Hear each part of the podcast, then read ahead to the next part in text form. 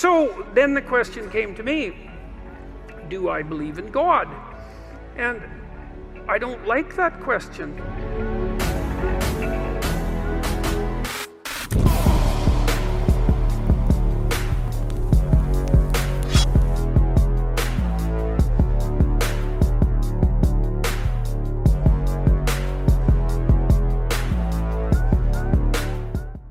Hebt ongetwijfeld wel gemerkt dat als je evangeliseert onder uh, bijvoorbeeld familieleden, kennissen, collega's of op straat, dat je vaak deze vraag krijgt: hoe weet jij nou eigenlijk dat God bestaat? En vaak met goede bedoelingen gaan we vervolgens uh, allerlei argumenten, logische bewijzen of filosofische bewijzen proberen te geven voor het bestaan van God. De vraag is of dat een bijbelse reactie is op zo'n vraag. En daar wil ik met jullie over nadenken. Wat zegt de Bijbel nou eigenlijk over die vraag? En is dat een valide vraag? Als je de Romeinenbrief bestudeert, dan zie je eigenlijk dat de vraag niet valide is. De Romeinenbrief is de meest systematische uiteenzetting van het evangelie. Het is een brief geschreven door apostel Paulus waarin hij stap voor stap eigenlijk wil uitleggen wat het evangelie is. En hij wil de christenen in Rome toerusten, zodat ze begrijpen wat de betekenis is van het evangelie. Evangelie betekent ook wel goede boodschap of goed nieuws. De apostel Paulus wil weten dat de christenen weten wat zij geloven. En als we lezen in Romeinen hoofdstuk 1, vers 16 en 17, dan zegt Paulus daar: Ik schaam mij niet voor het evangelie van Christus. Want het is een kracht van God tot zaligheid voor een ieder die gelooft. Eerst voor de Jood en ook voor de Griek. Dat wil zeggen voor de hele wereld. Want de gerechtigheid van God wordt daarin geopenbaard uit geloof tot geloof. Zoals geschreven is, maar de rechtvaardige zal uit geloof leven.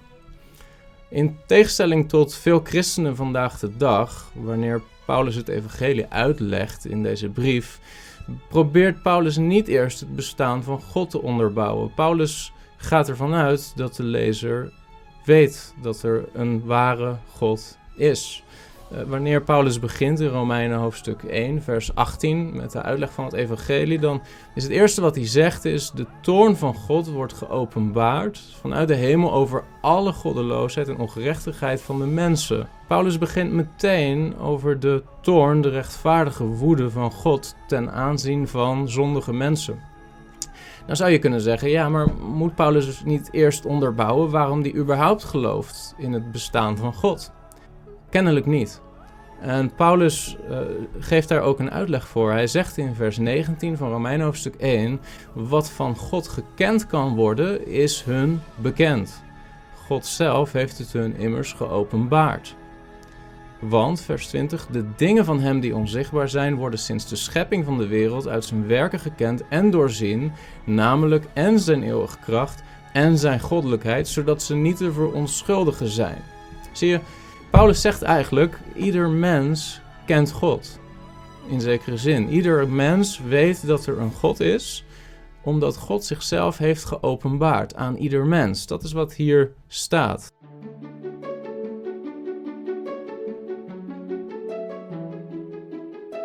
Ieder mens heeft een soort bazaal besef dat er een God is, een kennis van God. En theologische leiders in de kerkgeschiedenis noemden die kennis ook wel sensus divinitatis. Oftewel een gevoel, een sens van het goddelijke, de divine. Sensus divinitatis is, misschien zou je het kunnen zien als een soort zesde zintuig. Ieder mens heeft een ingeschapen godsbesef. En het was Johannes Calvijn die ook die term gebruikte van sensus divinitatis in de Reformatie. Dan kun je zeggen, ja, maar als ieder mens nou een besef van God heeft, als ieder mens in feite weet dat er een waarachtige God is, waarom ontkennen mensen dan zijn bestaan? Waarom stellen mensen überhaupt de vraag aan ons als christenen, waarom geloof jij dat er een God is? Nou, Romeinen hoofdstuk 1, vers 18 zegt dat juist daar de toorn van God omdraait. De, de toorn, de rechtvaardige woede van God, wordt geopenbaard vanuit de hemel, staat in vers 18, over alle goddeloosheid en ongerechtigheid van de mensen die de waarheid in ongerechtigheid onderdrukken. Wat Paulus zegt is dat mensen weliswaar allemaal weten dat er een God is, maar niet willen weten dat er een God is. Dus mensen onderdrukken de waarheid die ze hebben. Waarom doen ze dat? Nou, ook daar heeft Paulus een antwoord op. In vers 21 staat er: Want zij hebben, hoewel zij God kennen, hem niet als God verheerlijkt of gedankt. Zie je, als je weet dat er een God is, een God die jou heeft gemaakt, een God die, waar je eigenlijk alles aan te danken hebt, van wie je bent, wat je hebt, dan is de logische reactie is om Hem te verheerlijken, om voor Hem te leven, om Hem te danken, om eigenlijk je hele leven te leven in het licht van Zijn bestaan en Zijn heerschappij. Maar de mens wil dat niet. De mens sinds de zondeval heeft ervoor gekozen om voor zichzelf te leven. En dat zit diep verweven in onze zondige natuur. Zie je, God erkennen zou logischerwijs betekenen dat je Hem zou moeten verheerlijken of danken. En dat betekent dat je autonomie verliest. Je autonomie, je zelfbestuur. Dan ben je niet langer de baas over je eigen leven. Mensen willen liever de baas blijven over hun eigen leven. Dan kun je afvragen, hoe onderdrukten mensen dan eigenlijk precies de waarheid van Gods bestaan? Paulus zegt in vers 22, terwijl ze zich uitgaven voor wijzen, zijn ze dwaas geworden. Dus er is een bepaalde wereldse wijsheid die mensen gebruiken om de waarheid van Gods woord en Gods bestaan te onderdrukken. Wat is dat voor wereldse wijsheid? Dat kan in feite van alles zijn. Uh, het kunnen valse wereldbeelden zijn, uh, zoals naturalistisch materialisme. Het, het geloof dat uh, deze hele wereld en het heelal slechts bestaat uit materie en slechts tot stand is gekomen door natuurlijke processen. Het kan zijn door valse religie. Het kan zijn door gewoon er niet aan te denken dat er een God is. En als het ware te dissociëren van die waarheid. Te doen alsof God niet bestaat. De Bijbel zegt heel duidelijk in Psalm 14, vers 1: De dwaas zegt in zijn hart: Er is geen God. Dwaas is in deze context niet zozeer een term die beledigend bedoeld is. Uh, zo van: haha, jij bent een dwaas. Het betekent bijbels gezien niet dat je dom bent of dat je een laag IQ hebt. Maar dwaasheid betekent bijbels gezien dat je de verkeerde keuze maakt tegen beter weten in. En dat je de gevolgen negeert waarvan je logischerwijs had kunnen voorzien dat ze er zouden zijn. En daarom staat er in Psalm 14, vers 1: De dwaas zegt in zijn hart: Er is geen God. Want in datzelfde hart zit een ingeschapen godsbesef wat zegt: Er is wel een God. De dwaas onderdrukt datgene wat hij weet en leeft zijn leven terwijl hij die waarheid bedekt. Er staat in Romeinen hoofdstuk 1, vers 21: Want zij hebben, hoewel zij God kennen, hem niet als God verheerlijkt of gedankt, maar ze zijn verdwaasd in hun overwegingen en hun onverstandig hart is verduisterd. Zie je, de, de zondeval en het onderdrukken van Gods waarheid heeft als gevolg dat er duisternis komt in het hart van de mens. En dat noemen we ook wel de noetische effecten van de zondeval. Noesis is een Grieks woord wat betekent gedachte of intelligentie of een bevinding. En de noetische effecten van de zondeval, dat wil zeggen dat de zondeval niet alleen maar consequenties heeft voor je leefstijl, maar ook voor je denkstijl, voor de manier waarop je denkt en de wereld ziet.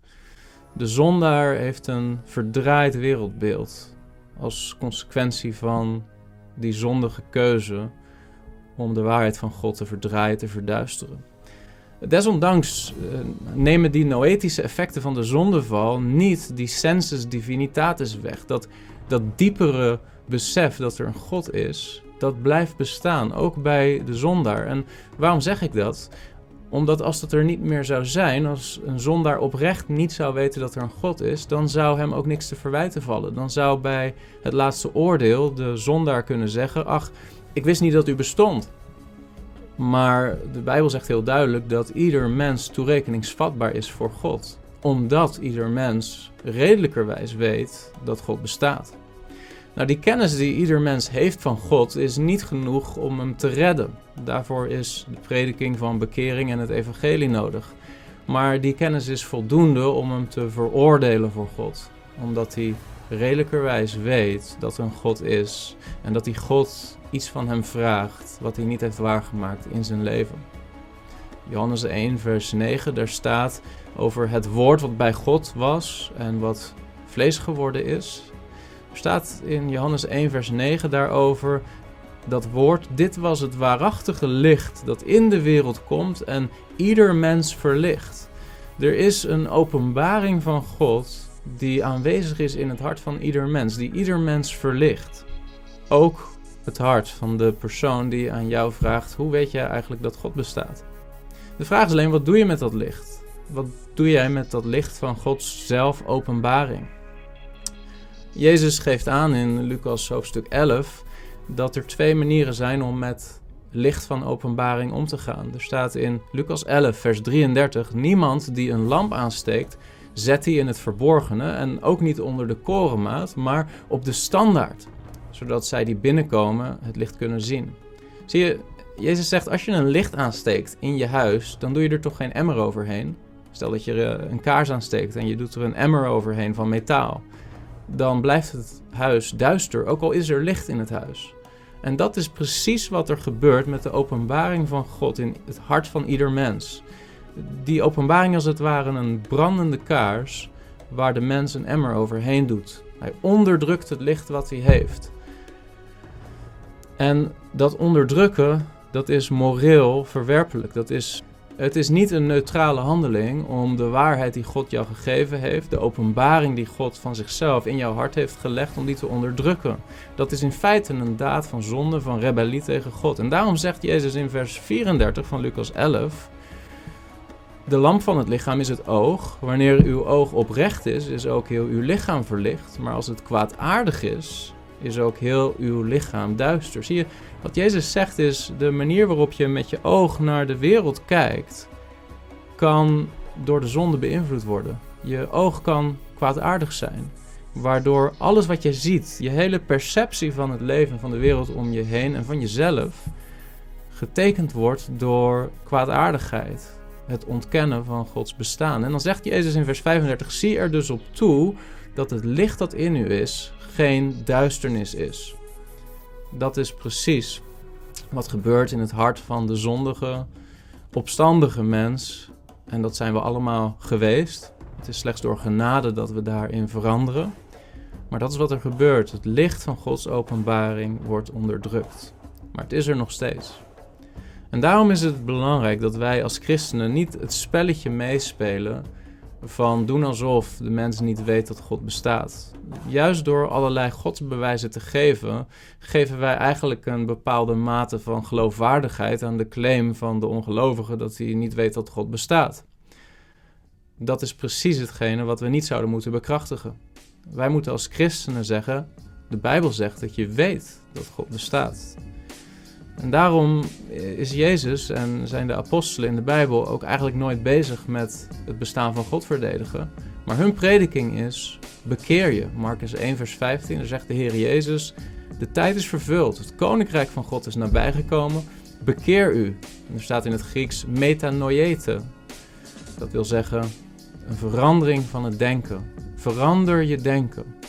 In feite waar het om gaat is: neem die emmer weg en laat het licht schijnen in je hart wat God erin gelegd heeft. Bekeer je en geloof het evangelie. Het evangelie van vergeving. Dus hoe moeten wij als christenen reageren op de vraag: hoe weet je dat God bestaat? Mijn antwoord: op dezelfde manier als jij. Dan zal misschien de ongelovige zeggen: maar ik geloof niet in God. mijn reactie zou zijn: de Bijbel zegt dat je weet dat God bestaat, maar je wil hem niet erkennen. En wat je nodig hebt is niet meer kennis van het bestaan van God. Wat je nodig hebt is een veranderd hart en bekering. Om de God waarvan je weet dat hij bestaat te erkennen. Ik hoop dat je hier iets aan hebt. En voor de mensen die dan vervolgens toch blijven volhouden dat ze niet geloven in Gods bestaan, is onze opdracht niet om ze te overtuigen, maar onze opdracht is om te getuigen van het evangelie. Het enige wat het hart van de mens daarna kan veranderen is de kracht van Gods genade. En we mogen mensen ook, nadat we ons getuigenis hebben afgelegd, toevertrouwen aan de genade van God. Hoe weet je dat God bestaat? op dezelfde manier als jij.